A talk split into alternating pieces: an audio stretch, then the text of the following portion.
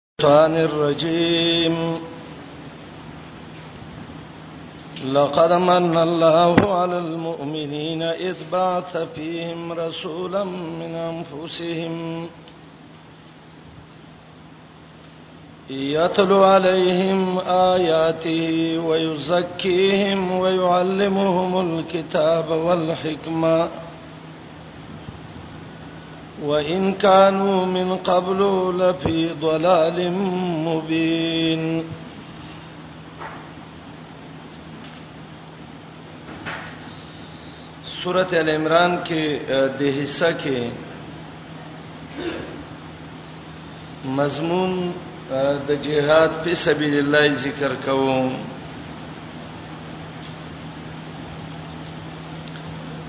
د امیر شرایط ذکر کول یو شرط د امیر ذکر کړو فبما رحمت من الله لنت لهم امیر سے بد اخلاق نه دویم شرط ذکر کړو وما كان لنبي ان يغل امیر با خیانتګر نه وي لقد من الله على المؤمنين د آیات کې دریم شرط د امیر ذکر کړي چې امیر به هغه سړی چې هغه معلم د دین اسلامي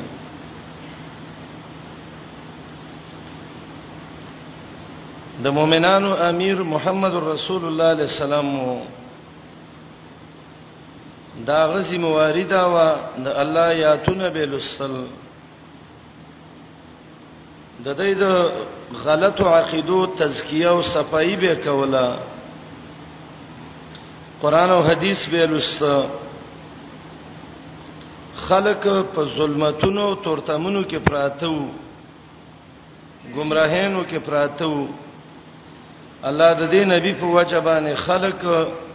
د گمراهینا هدایت تراويستل نو نبی رسول الله امیرو د صفاتونه کیو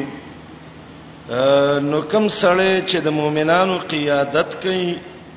د مؤمنانو مشرک کوي نو پاغه کې بم د صفاتونه لازمی او دا پیغمبر راتګ د الله د خوانه دی بندگانو ته دا د الله یو خصوصي احسان دی د امت باندې یو خود څه خيسته پیغمبر ورکړی دی ولا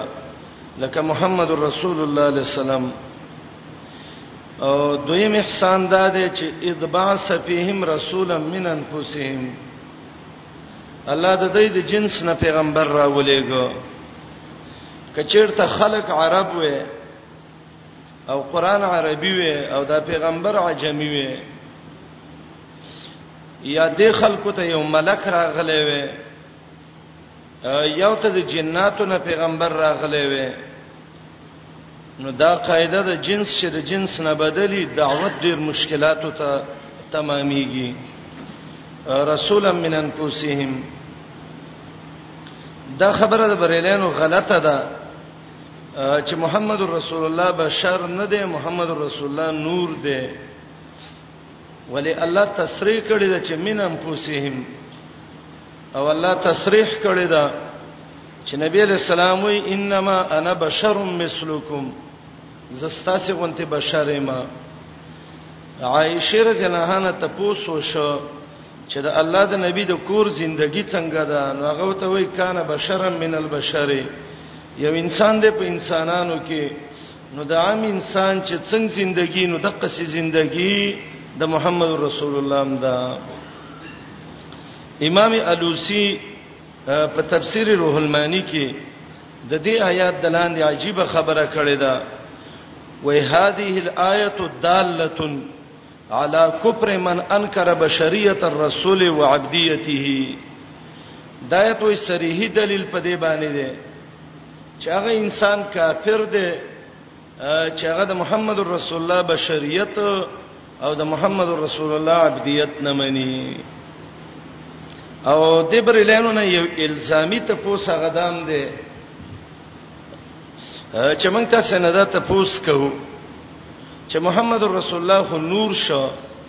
چې آیا د محمد رسول الله بیبیانی بشر وو کو نور وو نو د څه خو نشي ویلې چې د نبی رسول سلام بیبین نورو زکه نشي ویلې چې د ابوبکر او د عمر او د دې نونه وي زنانه وي د زنانو خوینب کیو د زنانو مرزونه کیو د زنانو عادتونه کیو نو ضرور به وي چې دا بشر وي وې اوس مونږ ته کتاب کې د څه مسله وخی وي چې د نور او د بشر نکاح کیږي نو کچیرته په نورانیت قائل وي نو هم دلیل وي وي او که په بشریت قائل وي نو هم دلیل په دې پیش کوي چې د بشر او د نور نکاح بالکل صحیح ده خدا ظالمان دې څه غلط اپواهات تلبیسات کوي بعضی کوی نبی علیہ السلام نور دی خو انما انا بشر شکل شکل د بشر دی نو دا منم غلطه ده ولی غلطه ده رسول الله شکل هم د بشر دی او د رسول الله بدن هم د بشر دی ځکه د الله د نبی عليه الصلاه والسلام په باره کې تصریح راغلی ده چې دا بشر دی نو دا به یو د نبی را لېګل د الله یو لوی احسان ده دی چې الله په جنس د انسانيت کې را لېګلې ده دویم د پیغمبر کار بدای د الله یاتونه بدولی د دې آیاتونو نه یا هغه نخې دي چې دلالت کوي د الله په وحدانیت او د الله په قدرتونو باندې او یا د دې آیاتونو نه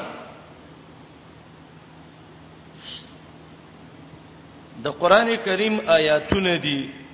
او دا رسته وی علمهم الكتاب دا د دې تفسیر دی ويزکیهم تزکیه ویل کیږي د یو چا صفائی کولو ته مخکې سورته بقره کې د آیات تیر شوی یو سل یو 50 کې مې پوره وضاحت کړو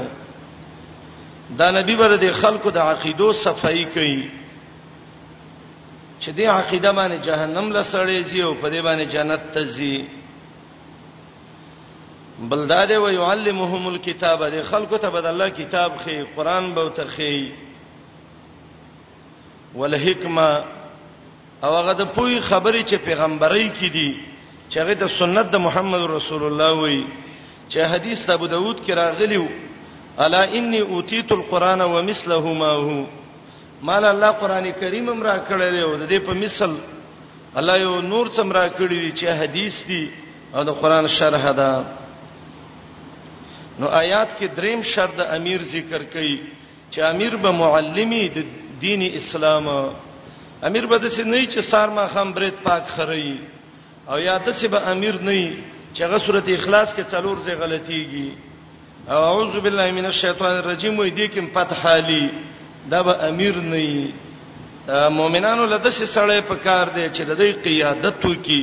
قیادت به د سي سړی کوي چې معلم د الله د دیني لقد من الله یقینا الله احسان کړی دی علی المؤمنین اپ مؤمنانو باندې امام قرطبي وایي د دین ټول مؤمنان مراد دي بس الله لوی احسان په ټول مؤمنانو داده چې الله کې محمد رسول الله ونت پیغمبر را لېګلې دي عائشه رضی الله عنها به ویلي چې د المؤمنین نه خاص مؤمن العرب مراد دي نو به به معنی دی چې الله په دې عربانو یو احسان کړی دی ادباسا کله چې له غلو فیهم پدای کې رسولا یو پیغمبر من انفسهم د نفسونو د دینا د څه پیغمبرو چې جنس د دای سیو یو د بل په خبره باندې پویدل کار به د پیغمبر سي یتلو علیهم آیاته للی به په دای باندې آیاتونه د الله دا به د په نبی د دعوت اسلوبي د الله آیاتونه به پیلولي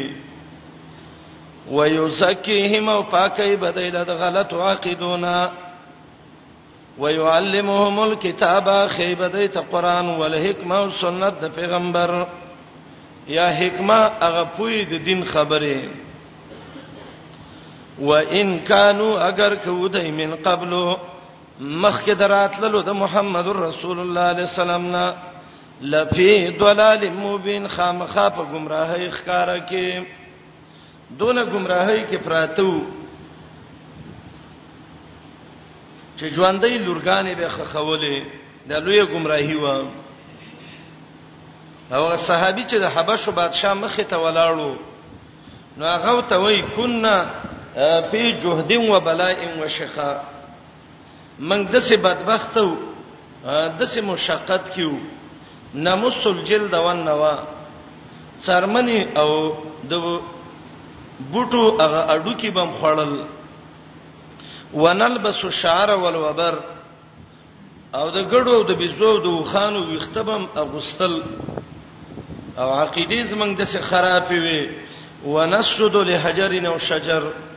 موږ به بوټو او غټو ته عبادت کوو فمن الله علينا ان باسفينا محمد صلى الله عليه وسلم الله احسان وک محمد رسول الله را ولېګ وان كان وغر کودې من قبل مخکدرا تک د محمد رسول الله نا لفي ضلال مبين خامخا په گمراهي ښکارا کې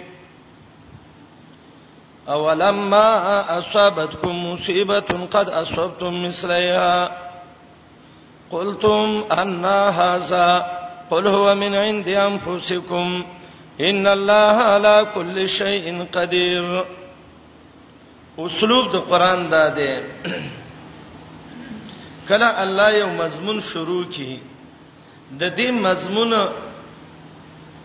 په مینس کې الله یو بل کلام راوړي چې هغه ته جمله معترضه وایي هغه کلام چې کله ختم شي زوړ مضمون ته به رجوع کوي قران علتونه ذکر کول چې په دې اوحد کې د صحابه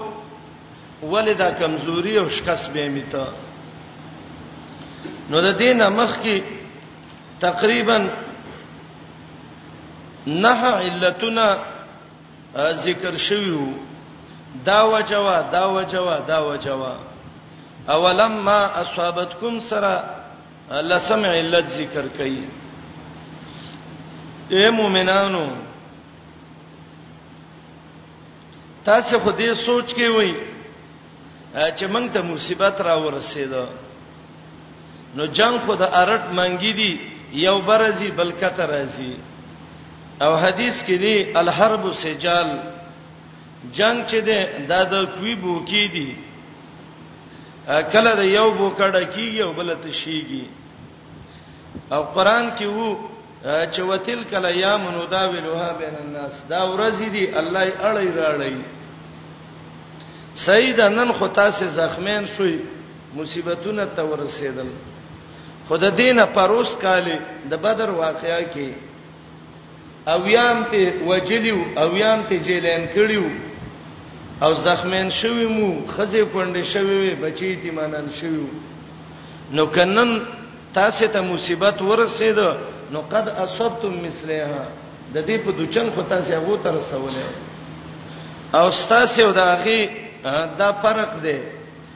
چې ستاسو په مصیبت اجر ملاويږي دا غي په مصیبت باندې اجر نه ملاويږي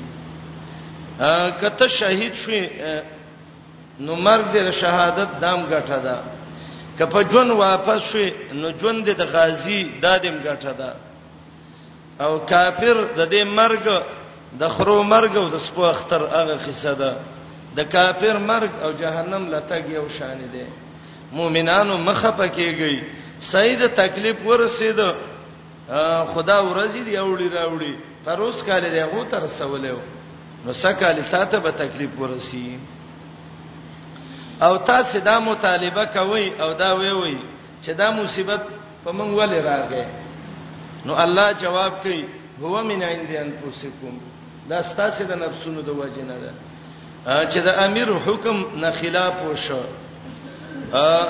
کله چې منظمه خراب شي د امیر د حکم نه خلاف وشي دا غي نتیجه غلطه راوځي نتیجه دارا وته چې پیغمبر زخمی شو تاسو شهیدان شوي زخمین د کیو شو اولما کې دا حمزه د استفهام انکاری د پاره ده او حمزه د استفهام انکاری کې قاعده ای دی چې دې کې انکاری دراتلون کې قول نه او دلته غرض زجر ده بالقول الاتی په هغه وینا چې آینده روانه ده د او معنی به جدا وکي د لما به جدا وکي به به آیات په مقصد پوه شي معنی کوم ګورې وتا اولما اصابتکم آیا او هر هغه وخت کې چې ورسېد تاسو ته مصیبت مصیبت مصیبت ته تر ورسېد مصیبت څو غنیمت ختم شو مصیبت څو او یا صحابه شهیدان شو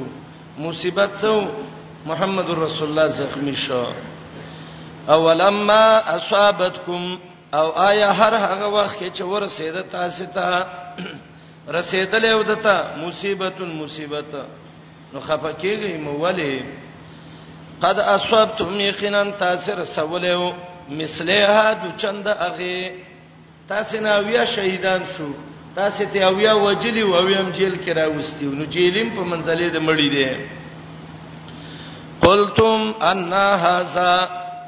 تاسو وی وی د کم زنه ده دا مصیبت دا مصیبت د کم زنه ده یعنی دا مصیبت په منګ ولې راغې قل هو من عند انفسکم وتووا دا دې د طرفه د نفسونو ستاسو نه ستا نفس خدای وکړه تاسو ته امیر ویلو چې د جبل مرمات نه برا کوزیږي نه عبد الله ابن جبیر سبکی نه تاسو ولې څولېخ کسان تر کوزیدای هو من عند انفسکم دا ستاسو د نفسونو نه دی او قاعده دا ده اعمالکم عمالکم ستاسې عملونه ستاسې قاضین دي کما تدین تدان څنګه چې کې امقه سي جزا به درکولې شي حجاج ته یو سړی راغی وتوی ویلې حجاج د ابوبکر او د عمر ډیر خرعیت وو د عمر ډیره خد عدل او د انصاف زمانہ و او ستا زمانہ د شرونه دي فتنې دي حجاج خډیر دغه د خلینه چالاک کو نو حجاج وته وی څه دی ویلې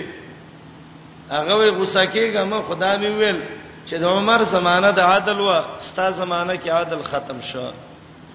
حجاج وته وی تبازروا الیا اتعمر الیکم د عمر رعیت ابو ذر دلیو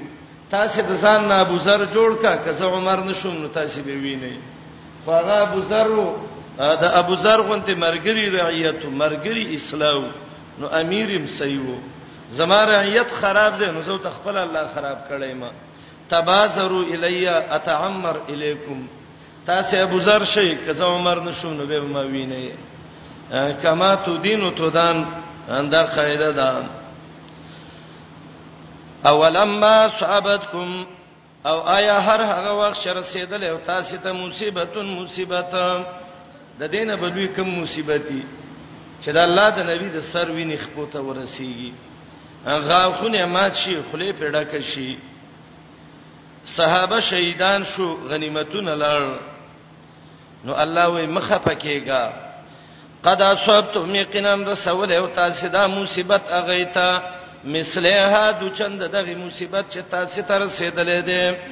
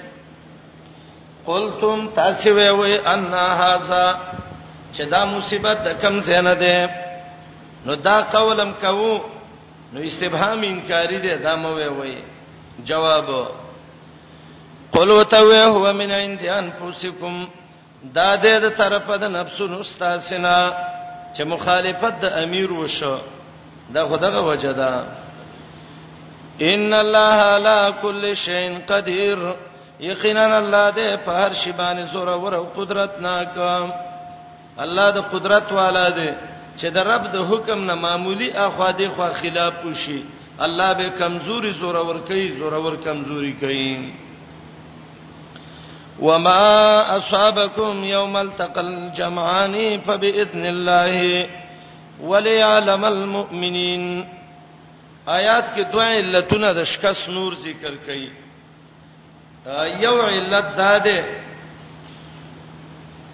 که تاسو ته په مقام د اوحد کې مصیبتونه رسیدلې زاد الله په علم عبد الله ابن عباس رضی الله عنه وی دا به د الله په قضا او د الله په قدر باندې وو تقدیر کې به تلی کلیو چې دې کې به شهیدان کیږي نبی رسول الله به زخمی کیږي غنیمتونه به خرابېږي نو قضا او قدر باندې ایمان راوړل دام د ایمان حصہ ده تکلیف ورسه د ولی زالله به تقدیر کې لیکلیو قضا او قدر کې به لیکلیو ا دولسم علت وليعلم المؤمنين دې ته علم بالتمیز وای دا کمزوري او دا شهیدان او دا زخمین د کې وشو ولی الله صحیح مؤمن او منافق معلومي امتحان چې وشي پاغه کې کامیاب او ناکام معلوم شي دا معنی نه ده چې الله علم نو کو مؤمنانو نه نه دې ته علم به تمیز وای الله تاسو تخکارا کوي چې دا صحیح مؤمن دی دا کمزور دی زر چې کله زرګر ولي کی نو د دینه زګونه لړ شي و اما الزبد فیذهب جفا بیکار شي و اما ما ينفع الناس فيمكث في الارض فیدی والا پاتې شي الله امتحان کوي صحیح مؤمن او بوزدل منافق الله معلومي وليعلم المؤمنين او امتحان کې دا قاعده ده تاسو به د ابو زید عبارت لیدلې چې هغه وای وها انا اختبي خبيئه هغه پټه خبره راوباسم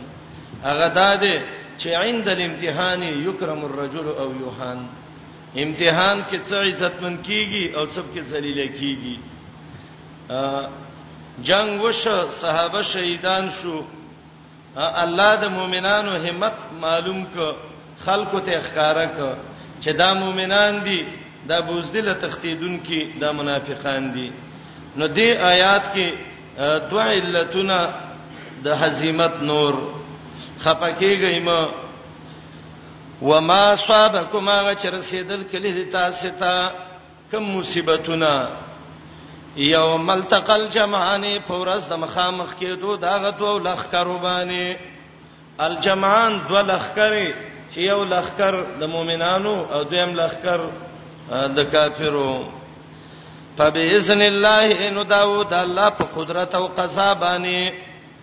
عبدالله ابن عباس رضی الله عنه وی فباذن الله فبقضائه وقدره دا د الله په تقدیر کې به تلی کلیو د الله په قدر کې به وو یو لسم دولسم وليعلم المؤمنين او د دې د پاره چې الله ښکارا کې دا مؤمنان چې دا د ایمان والا دي او دا بی دین دي وليعلم الذين نافقوا دا دیار لسم علت جنگ وشو د دې د پاره شکس مؤمن ومنت چې منافق ښکار شي دا خور سړی سینه ډبې چې زیم او زیمه دا چې کله میدان راشي به پته لګي ښا منافق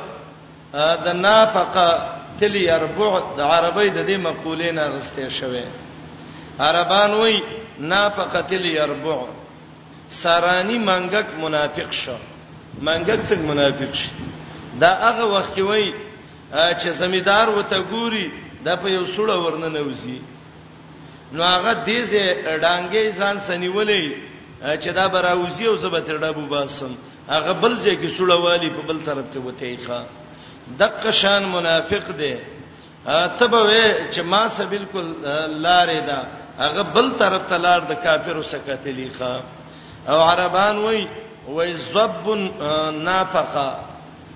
ذب نافق معنی دا ده خادمه منافقه شو معنی په یو لار نه نوته و او په بل لار وته دق شان د منافق مثال دی رسول الله علیه السلام ویلو مثل المنافق کشات العائر بین الغنمین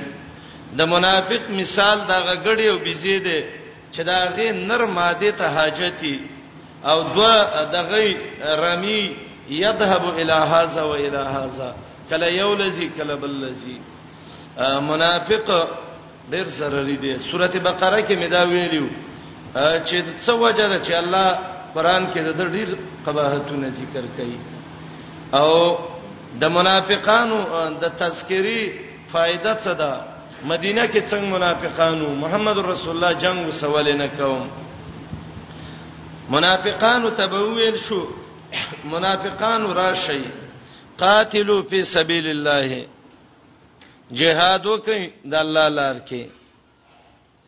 او د پاو یاد سه وکي دفاع وکي زمنګ نه ګوره دوه خبره منافقانو ته شوي وي یو خبره او تدا شوي وا راشي جهاد وکي سب کې ودرېږي او دویمه خبره او تدا شوی و او د پاو زمنګ نه دی پاو کوي جهاد وکي کزړونو کې د الله محبتي نو ځای مجاهدین شي زکه جهاد کیږي د الله په محبت باندې نو قاتلوا فی سبیل الله د الله لار کې وجنګيږي کدی زړونو کې ستاسو د الله محبتي او کچیرته د الله محبت مړ کې نه جنگ نه کوي او د پاوو کې معنی دا ده زمنګ نه دی پاو کوي خیر دی زمنګ د عزت خیال وساتي زمنګ دا جماعت ډیر کوي تاسو چې موږ سره ودرېږي زمنګ ډله بډې رشي نو که جنگ نه کوي موږ به باندې سړې ښکارا کیږو نو اوی د پاو معنی دا ده د پاو کوي کسرو سوادنا سوادنا زمنګ جماعت ډیر کوي دویمه معنی دا قاتلو فی سبیل الله او ادفعوا منافقانو تاسو ته اختیار دی یا په مقام د جنگ کې و جنگيږي او ید پرو یا پیری وکي سرحداتو کې ودرېږي زمنګ کافر منی کوي دا دوه توجیه علما ذکر کوي یو دا جهاد وکي کرشته هم سره کې د الله محبتي دفاع وکي زمنګ ډاله ډیره کوي یا اختیار دی الله یا اول خد د جهاد کې وجنګيږي او که جنگيږي نه او د پاو مونږ ته پیراو کوي سرحدات د ملک وساتي قالو لو نعلم قتالا لتبعناکم عجیب جواب وکړه دی ویلي درې مرزونه الله ذکر کوي یو دا لو نعلم قتالا لتبعناکم دا یې ولنۍ بیماری ده او د قران د آیاتونو ته چې سړی ګوري او د وسنۍ زمانه د منافقانو ته ګوري والله چې تبوي چې نن دا آیات نازل شو بالکل طابق النعل بالنعل لکه خپچ د چپلې د تلی سره برابر شوې ده اما قصه ولګېدل لو نعلم قتالا کې دوه معنی کوم ګوري یومانا لو نعلم قتالا کمنګ د جنگ په چل پوی دی کنه مولای صاحب د جنگ چل مجاهد صاحب د جنگ چل مونږ ته نه دی یاد او کمنګ ته یاد وې لتباناکم دا لوی لوی راکټې بم پوګاوې به بدر پسې وې تا ته بم ویلې چې ته اوس کینو زمونږ زور وینا ښا کینه گیدړ ته به څه جنگ به دي سي لو نعلم قتالا لتباناکم کپه جنگ پوی دی مونږ به دونه اتباع کړی وې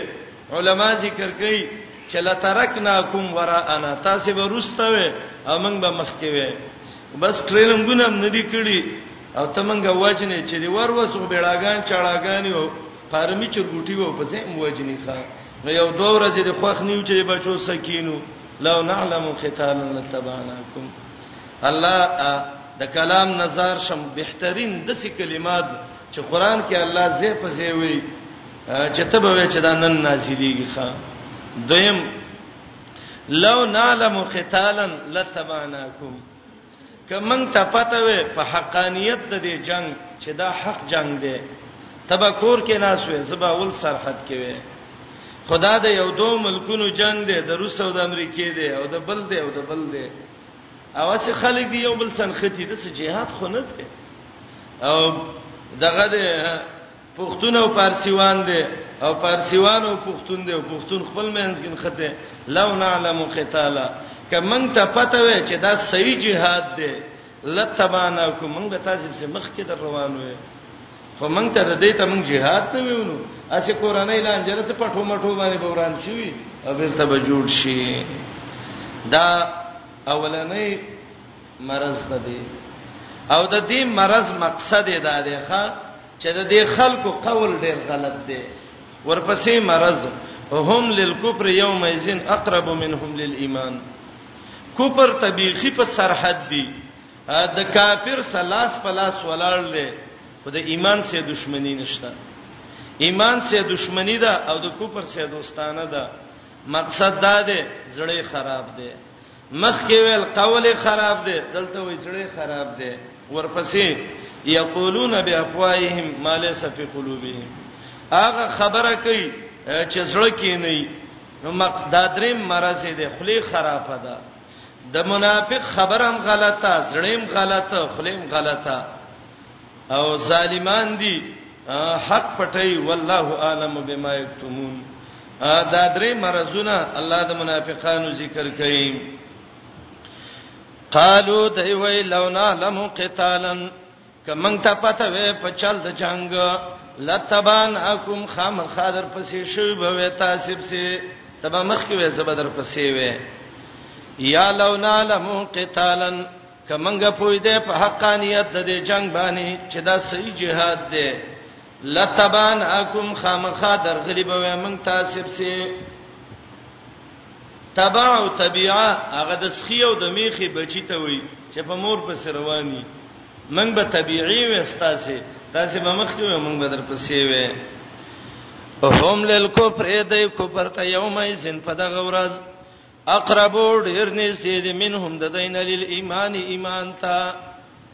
د کفر په بالکل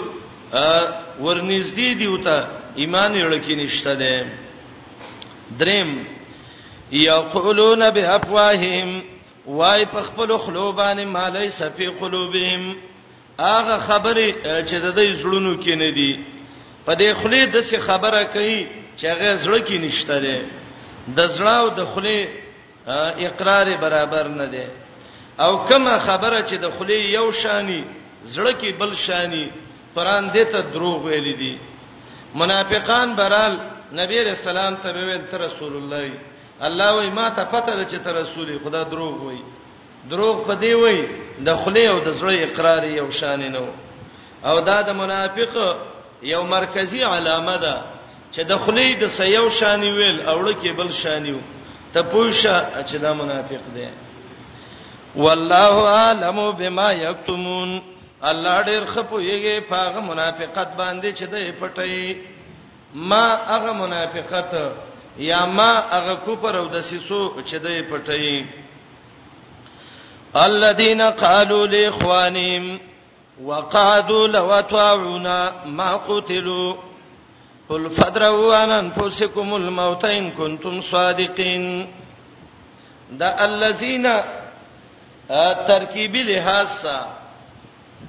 دا مرفوع دی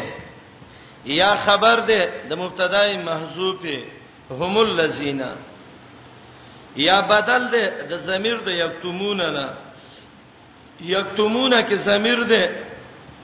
هغه د یکتمو فاعل دی مبدل منه دی او د الذین راغینه بدل واقع شوه دی او بدل د مرفوع نه دا ای مرفوع زکه بدل هغه تابع دی چې د مطبوع حکم براخلی او دریم دا دی چې د الذین مبتدا ده او دا رست فدرو ان انفسکم دای خبر ده او معنا دا ده اې د دې صفات والا خلقو چې دا کارونه کوي زئی د ځان مرګ د پکې یا الذین منصوب ده او دته منصوب علی الزم وی او معنی دا د الذین بدی بیانوم د هغه خلکو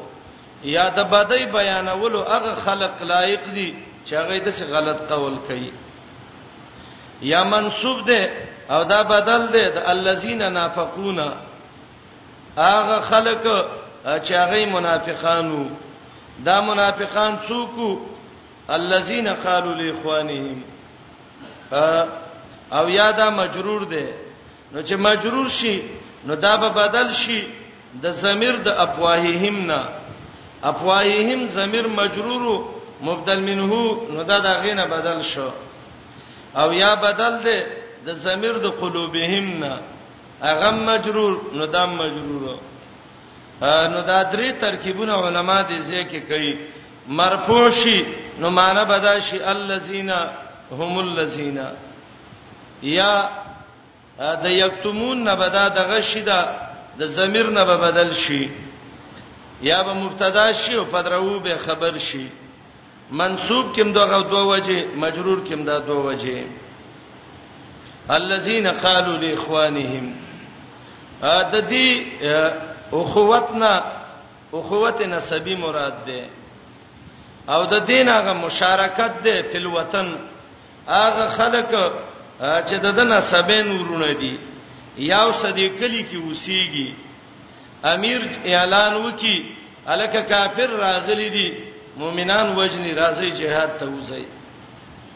د خو خپل د خوزیدو نه دي زمکه خوځي خدای د خوزیدو نه دي کله به وای ک په جنگ پیدا او کله به څوي او کله به څوي څه مؤمنان شبابان را پاتېږي او ورشي د کافرو سره جنگ وکي نو د کافرو سره چې جنگ کوي دا خو د رب نظام دی شهیدانم کیږي او غازیانم کیږي دا مؤمنان چې الته شهیدان شي او دای خبر شي چې پلانې شهید شو پلانې شهید شو پلانې شهید شو ندار زیلان وای لاسمګي وای لو اطاعونا هاي هاي کزمن خبره منلې نبوي وجلې شي به تحقیق روانو کچابو ته څو ویل دی په سمنډه والے ولې زمون خمنګ ته نه چې کورونو کې کینې دا پیغمبر دې سره کار مباسي دا مجاهد دې اسه وزګار شوه دې ګوره د دین دفاع منافق ته کار نه ښکارې کیږي او صرف چې سړی خوراک او سکاک کوي او ګټي چټي دا د تکار ښکارې کیږي لو اتواونا ما قتلوا کزمن خبره منلی و نه به وجلې شي اوهد کې چې شهیدان وشو ابی ابن سلول ویلې قد خزنا امرنا ما خپل تدبیر پورا غستیو ولې موږ دې ته نه ویلي چې مسجد پیغمبر سره بعض علما وایي چې په مدینه باندې ناڅاپه الله یو وبا ولګولا او یا منافقان دې مردار کړه چې مړ شو آیاتونه نازل شو چې زه هلته خو دې تدبیر کړو فدرو عن انفسکم الموت زه د ځان نه مرګ د پکایوس او دویم تفسیر هغه دا دی چې مرګ په نیټه راځي او کته چې مرګ په نیټه نه دی نو زه خیر دی ورور بدی پلار بدی تربه تبه خپلوانو کې به څوک مړې کیږي او چې مرګ ولا راغې او په خپل بستر مړ کیږي وته وې وګوره چې مرګ رانه شي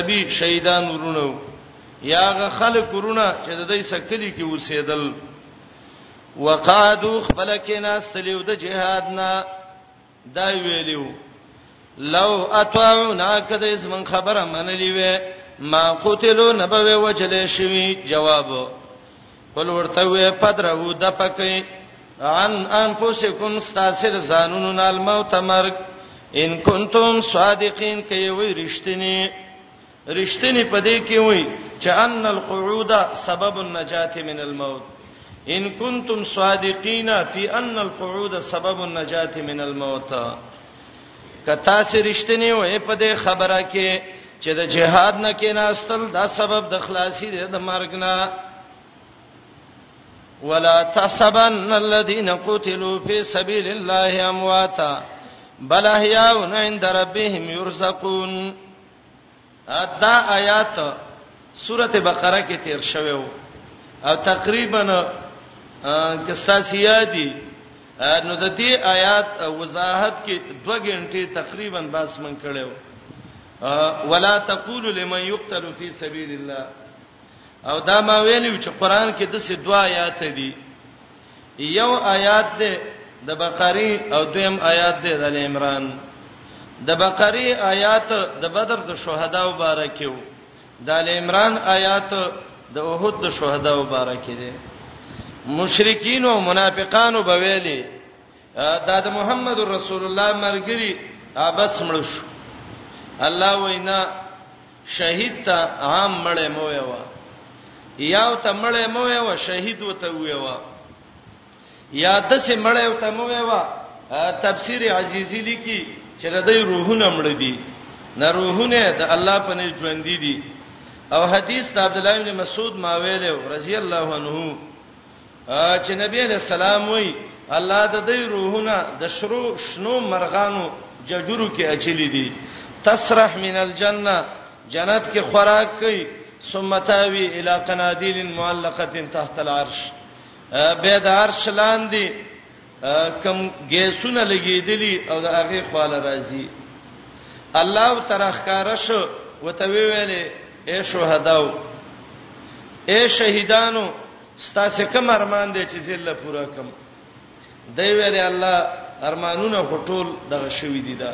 پورا شوی دی وینا وی وی نو دې شهیدانو ته ویلې الله چې سوال را باندې کې نو سوال هم داده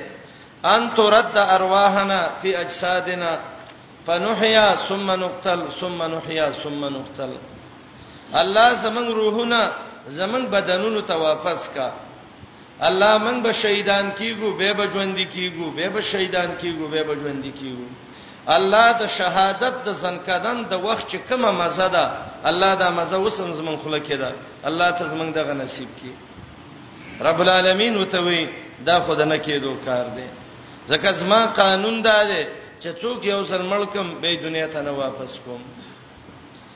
نو شهیدان او ته ویلې من یبلغ عنا اخواننا زمنګ ورونو ته به دا خبر څوک ورسي چې دا د نعمتونو کې دي اوله کرا زئی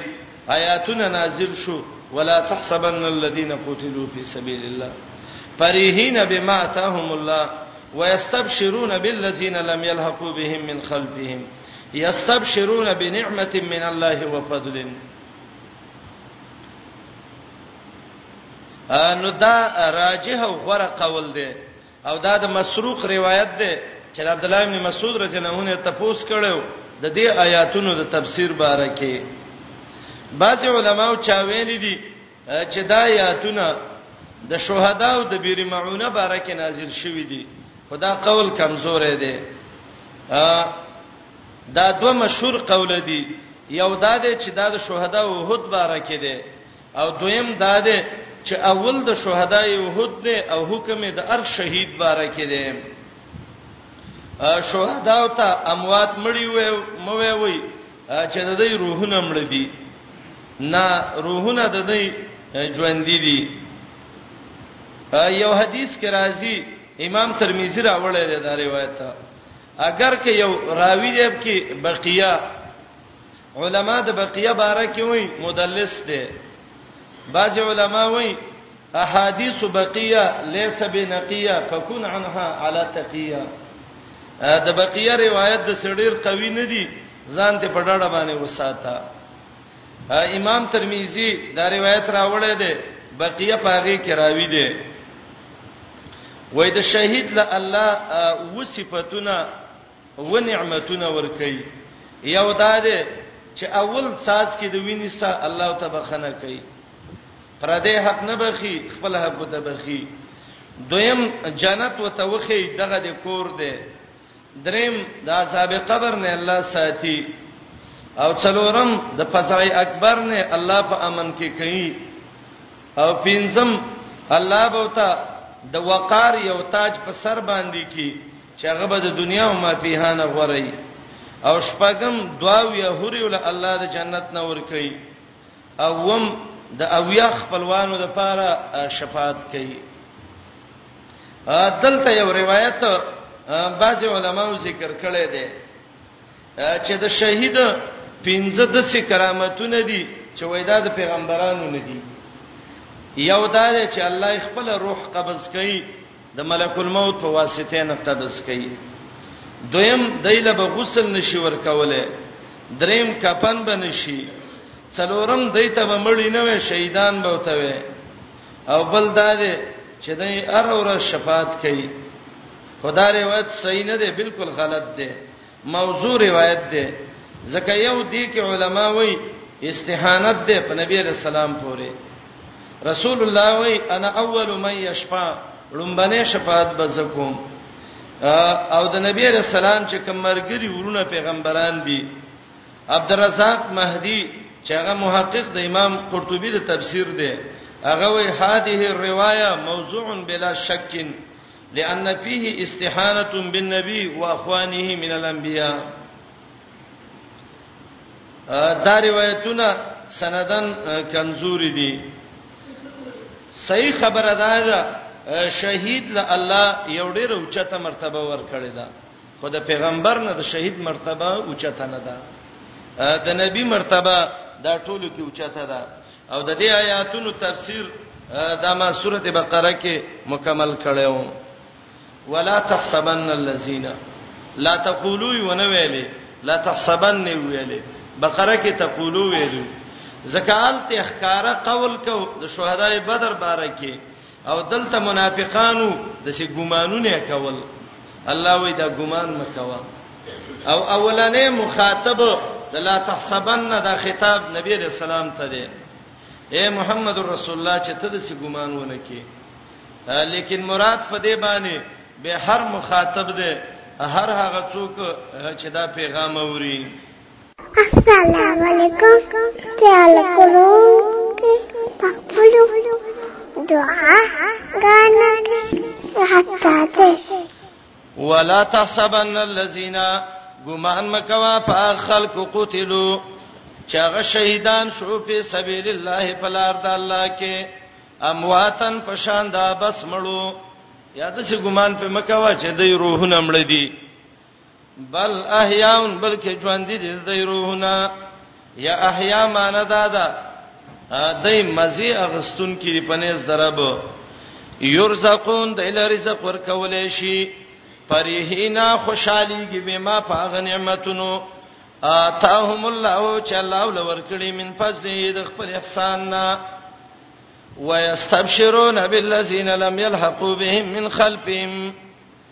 یستبشرون کې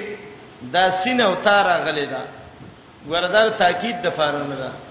دا مانونه کوي چې طلب د زیری کوي نه سینه او تا علما وای دا خالص لقبول لقبولیت البشاره دې کې معنی څه ده قبولیت د دې زیری طلبي معنی کې نه ده نو معنی دا ده ويستبشرون او زیر اخلی قبلای بالذین په هغه خلکو پسې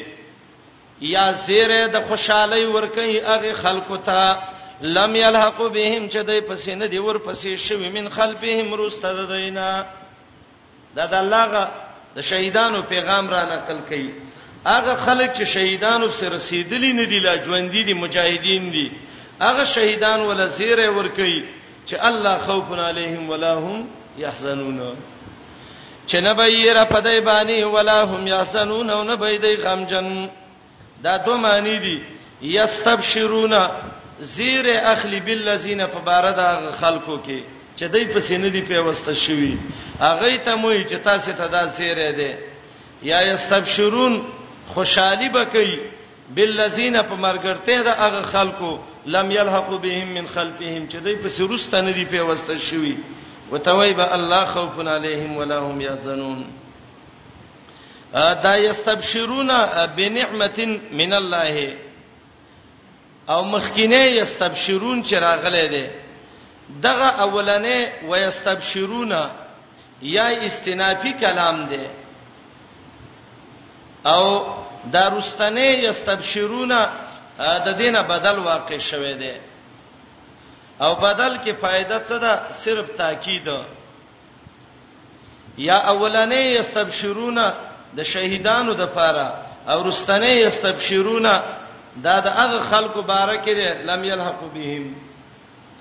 او دریم قول دا دی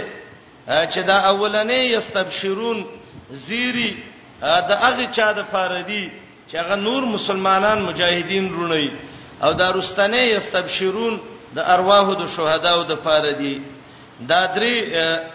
ترکیب دې سه کې علما ذکر کوي یا رستنه دا ولنی تاکید دی یا ولنه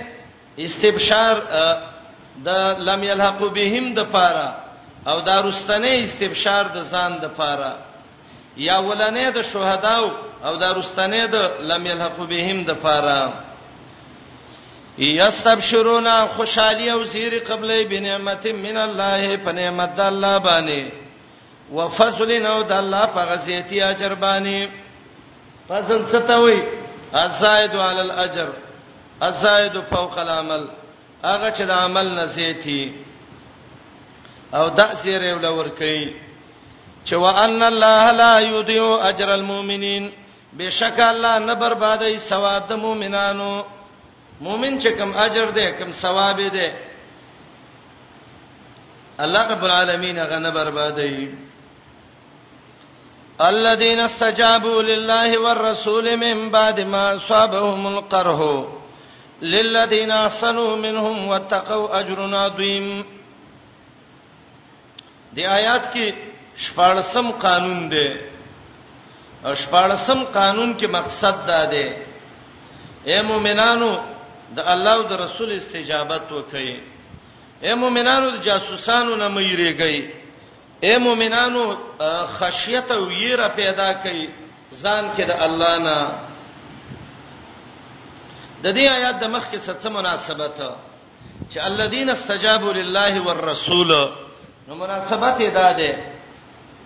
مخ کې آیات کې بشارت او شهیدان الله دې آیات کې بشارت ده مجروحین مجاهدین لا هغه مجاهدین چې هغه زخمین دي هغه مجاهدین چې هغه زخمونه تر رسیدلې دي نو دې آیات کې د هغه د پاره بشارت ده من بعد ما صابهم القرح الله وی زخمونه تر رسیدلې دي خو ګوردی چې دي نو اجر عظیم دا د لوی اجر والا دي نو ربط ادا ده مخکې بشارت شهدا ولو او دلته بشارت ده مجروحین او مجاهدین ولا زمومنه مجاهده که زخمی شوی هم اجر دشتا او زمومنه مجاهده که شهید شوی نه هم اجر دشتا ده الذين استجابوا لله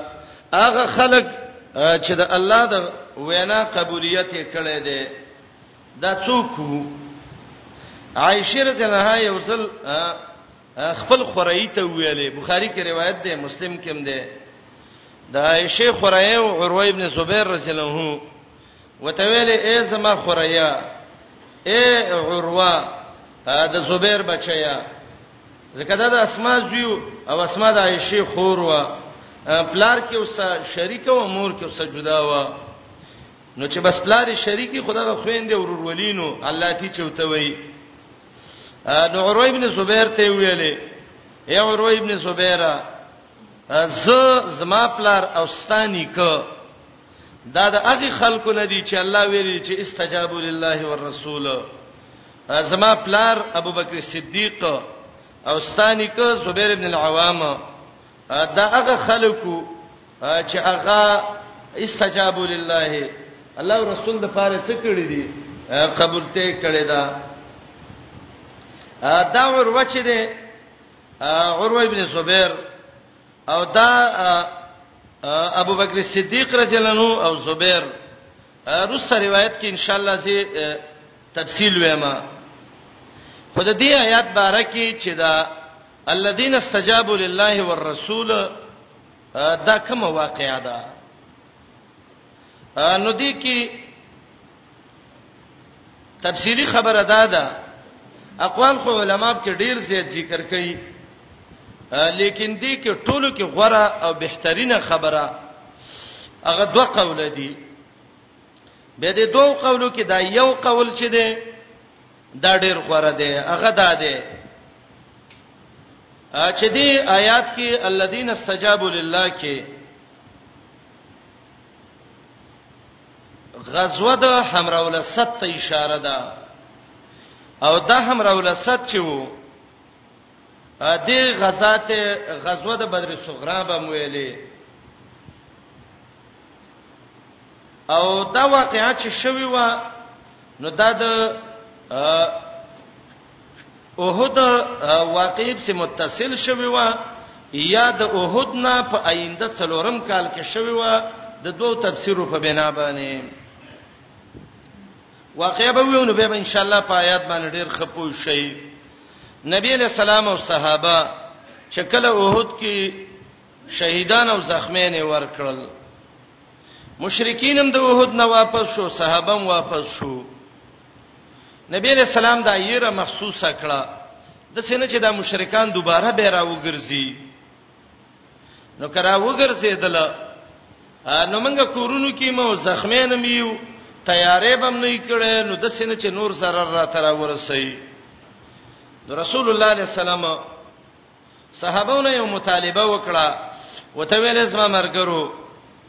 د سې ځوانان په کار دي چې هغه په دې زخمونو کې وځي او جهاد وکي روغوالي کې خور سره جنگ کوي موږ له دې خلک په کار دي چې هغه په دې زخمونو کې جنگ وکي او یا صحابه راوتل او دا دې پر راوتل چې دې کافرو ته پته ولګيږي چې د مؤمنانو کې وسم څه قوت د جنگ شته دی او د دې واقع تفصیل دا چې د وحود جنگ کوم ورځ باندې وشو نو سبال ورځ باندې نبی رسول الله دا یې را مخصوص کړه نو صحابه یې راجم کړه او ته وی ویلې منګه وزو او جنگ کو د دې کافرو سبه خو هغه سړی به موږ سوزي چې هغه پرون د اوهد په جنگ کې وو مقصد دا چې منافقان منافقان به نزي پرون چې جنگ کې څوک شریک شوه نو هغه سړی به موږ سزي نو دلته روایت دوه قسمه دي یو روایت دار چې اویا صحابه را وفات سیدل او دویم روایت دار چې 200 صحابه را وفات سیدل د الله نبی ته مخ کې دی او د صحابه ورپسې دي زخمینم دي مسکینان همرا ولسد مقام تر ورسېدل همرا ولسد د مدینې نه اتمی لبار یو زیاده دای چر روانو لار کې اوسه وسړی مرګره شو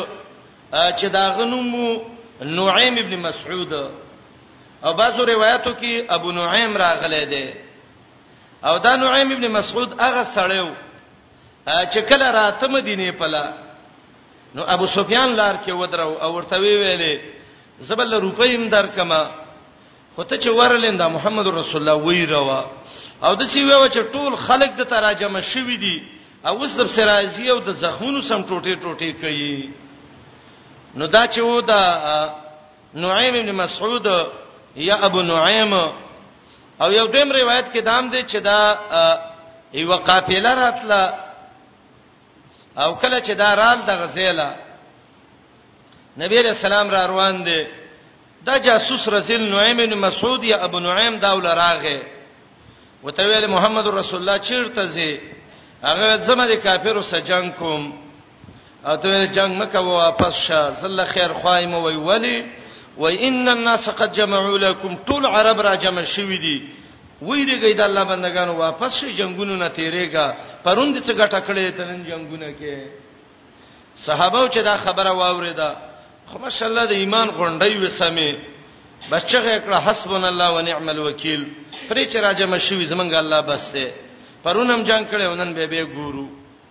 او محمد رسول الله علیه السلام د قزیل راغه او چې همراوله 70 اورسید درې ورځې دلته ووسید دغه وخت کې قریشم ځان څه وخو زوراو خو زو چې موږ جنگ کوو د عربو یو سړیو چې هغه ته معبد الخزاعي ویلې دا معبد الخزاعي قریش لراغه او ته د قریش څه کوي وای ورزو حمرا ول ست محمد راوته دی صلی الله علیه وسلم او ارادم دا چې بنګو سره جنگ وکړو معبد الخزاعی ته وای قسم په الله کې جنگ وسو کوي هغه د سي قوت کې دی چې ستاسو یو قریشیم دغه مقابله نشي کوله او داسې به پسان و شرموي لکه بدر کې چې مزان و شرمو بس الله دا غو زړونو کې غیرم واچل وسته وتختیدل او چې وتختیدل نو دغه همرا ولست کې به یو میله لګیدله تجارتی بازار به صحابه دې کې تجارت وکړه الله ول ډېری ګټه ورکړي فنقلبو بنعمت من الله وفضل لم يمسسهم سوء دا واقع ډېره غوړه ده چې دا دې چې نبی علیہ السلام د دین یریدل او چې دا خلک بیرونه ګرځي وروته و لار کې نعیم ابن مسعود یا ابو نعیم او یا قافله وا چې دا راغتله او نبی علیہ السلام یې راولې قافله د عبد القیس وا او رسول الله چې هم راوله 70 سیدلو قریش هم ځان تیار کړو خو چې د معبد الخزاعي خبره واوریده نو قریش و تختیدل صحابه تجارت وکړ ډېر د ګټې سره واپس شو نو عائشه رضی الله عنها دغه ته وی عروه ته عروه ستاده پلار پلار او زما پلار دا هغه خلکو نو چې استجابوا لله والرسول دا د جمهور علماو قول دی او ان شاء الله زمنګ د کمزوري علم مناسب چې منګه معلومات کړي دا روایت سندن بالکل ډیر غوره او مضبوط دی چې دا د بدر صغرا د همراوله صد واقعا ده او واقع په دې ترتیب شوی و اکثر صحابهونه د سینه قل دي دلته یو دویم قول دی چې دا د مجاهد او د اکرامه قول دی هغه دا دی چې کله د بدر جنگ وشو د احد جنگ ابو سفیان چې کله کور ته واپس کېدو نو یو غټه ته وخته اوچت زیاته او نبی علیہ السلام ته ویلې اے د عبد الله بچیا اے محمد رسول الله سید سکالم ننوالی او کال لبا ماوتا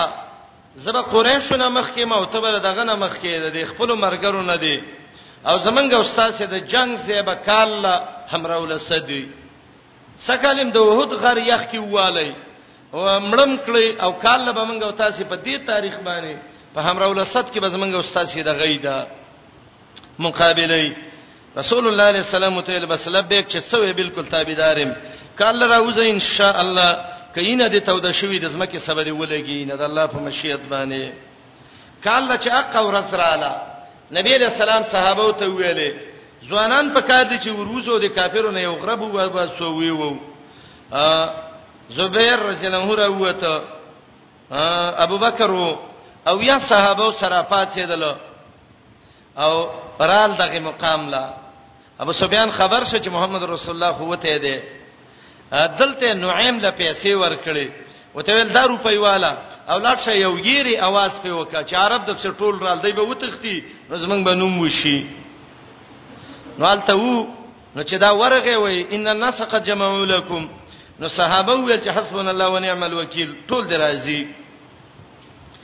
به الله د کافر سره کې یې راواچله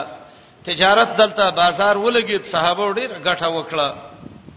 نو یو قول دا چې دا د بدر د اوحد په صفه دویم ورځ واقعیا ده د همراول الصد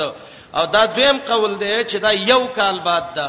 امام قرطبی دی کلی دی امام لوسیم چې اولنې قول د جمهور صحابه او د مفسرینو دی او دا رستنې قول د دغه اولنې په نسبت باندې شاذ او کمزورې دی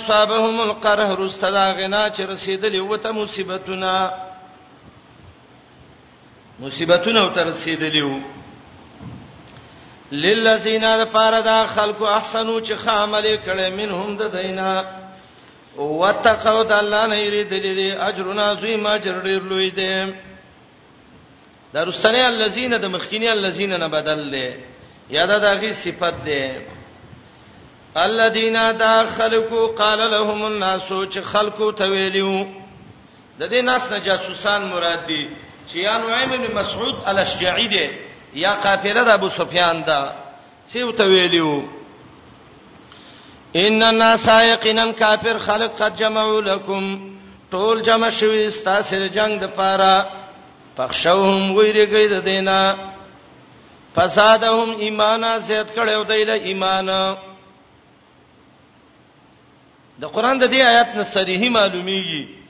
چې ایمان زیاتیږي او قران کې د نصوص ډیر دي د دې وجنه امام بخاری باب ذکر کړی دی الیمان قول و فعل یزيد و ينقص ایمان یو قولم دی او فعلم دی زیادت او کموت پکې راځي دا خبره د هغه خلکو غلطه ده چې هغه وی ایمان یو بسیط تصدیق دی او زیادت او قبولیت نه قبلې لکه احناف وی ایمان لا یزيد ولا ينقص ایمان زیاتیږي او کمیږي او دې اتن لچراشی فسادهم ایمانا وای اثر د ایمان زیات کړو ولې قران د ظاهر نه بل تر تاړي زیات شکړو د ایمان د دې صحابه به یو بل تویل راځي چې کینو د ایمانونو زیات کو نزداد ایمان دا ایمان لږ زیات کو دارنګي که سړی خپل وجدان ته سوچ وکي نو کله د انسان ایمان یو شانی او کله د انسان ایمان بل شانی بس دا سری خبره ده چې دا ایمان یزيد و ينقص دا زیاتیږي او دا کمیږي بلکې موږ د سیویو چې ایمان تصدیق دی بسیط او دا ایمان نه زیاتیږي او نه کمیږي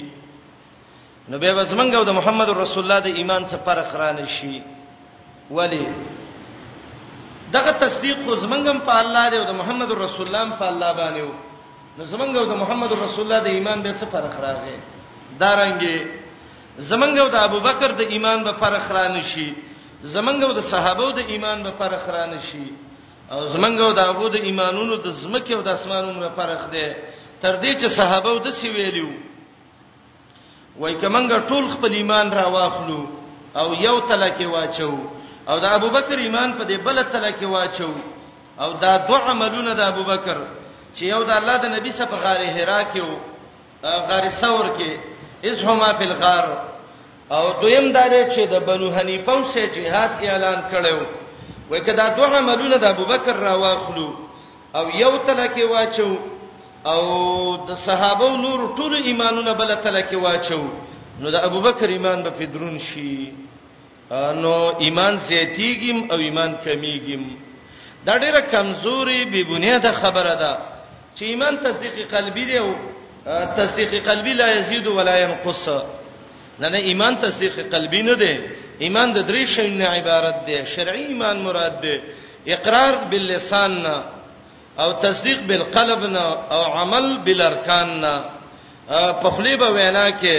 زړه کې به د تصدیقي او اعمال د ایمان به کې فزادهم ایمانا قران کې سړي آیاتونه دي امام بخاری ذکر کړی دي هدایت یې زیات کوي هدایت هم دغه ایمان دی تقوا یې زیات کړه تاسو قران لګو ګورئ داسې آیاتونه قران کې سورته فتح وګورئ د جهاد ثمرات الله ذکر کوي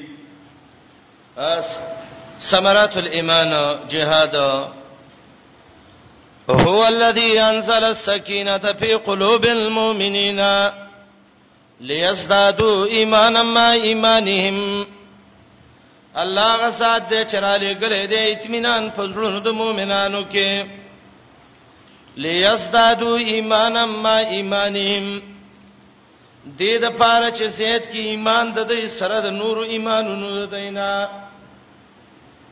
زول ایمانم پکې و چې نوې ایمان هم زید شي نو څوک چې وایي چې ایمان تصدیق دی نه زیاتیږي وګوره الله وایي چې نوې ایمان د زول ایمان سنن زول تصدیق څنګه نوې تصدیق وګرځي لیستادو ایمانا ما ایمانهم ایمان زیاتیږي او سید بالکل د ایمان باندې زیاتیږي ځکه زید د دې ایمان کارونه باندې کوي او څوک چې د ایمان کار کوي والله چې د ایمان د سه د ایمان مثال دی یو باغ دی د باغ چې صحیح تربیت کې د بوټي هغه خط ترقی کوي خې میوه ور کوي او چې نه کې ډوړي موړي په پرتی چې تغنوب کې جالي کلی هغه چیرته څه پیدا ور کوي هغه ایمان هیڅ کله ترقی نه کوي چې تر قران خلاف کې او د حدیثو خلاف کې هغه څه ایمان دی به څه ترقی وکي کوم ایمان چې شرعي ایمان دی ان شاء الله غي يزيد وينقص زيتيږي او کميږي الذين دا خلق دي قال لهم الناس چې ویلو دي ته خلقو جاسوسانو ته ویلو ان الناس قد جمعوا لكم يقينا خلق را جمع شوی د ستاسو د مرګ د پاره پخښوهم و یریږي د دینا فسادهم زیات کړو دی لا ایمانن ایمان او دا ولسم قانون دی چې د مؤمن ایمان به وخت په وخت زیاتیږي وقالو دا ویلو حسبنا الله کافی دی منګل الله ونعم الوکیل او ډیر خسته ذمہ وار دی فانقلبو انقلاب څه ته وایي رجوع واپس والی تا او دا نتیجه د ما سبقه ده د چې دا د سي ایمان زیات کو د څه خبره وکړه او د جهاد تر اوتل نو د څه ګټه وکړه جواب پنقلبو را ګرځیدلیو بنعمتین په نعمت من الله د الله نه نعمت دا دی چې الله ول د جهاد اجر ورکړ یا نعمت دا دی چې الله ول ګټه ورکړه په تجارت کې وفضل نو ډیر غورواله را وړو یا ډیر تجارت مالې ګټلو لم يمسسهم نور سیدل یدای تسوم تکلیف او مصیبت وتبعوا رضوان الله ربان شوی پر سامنته د الله په الله دې خاوند لوی فضل آیات کې د صحابه وی درې صفاتونه ذکر کړل یو دا دی چې صحابه د الله نعمتونه راجم کړل فنقلبو بنعمت من الله دویم دا دی چې صحابه د الله فضل راجم کړ دریم صحابه د الله رضامندته راجم کړل د الله نعمت په صحابه شوه د الله فضل په صحابه شوه د الله رضامندته په صحابه ودا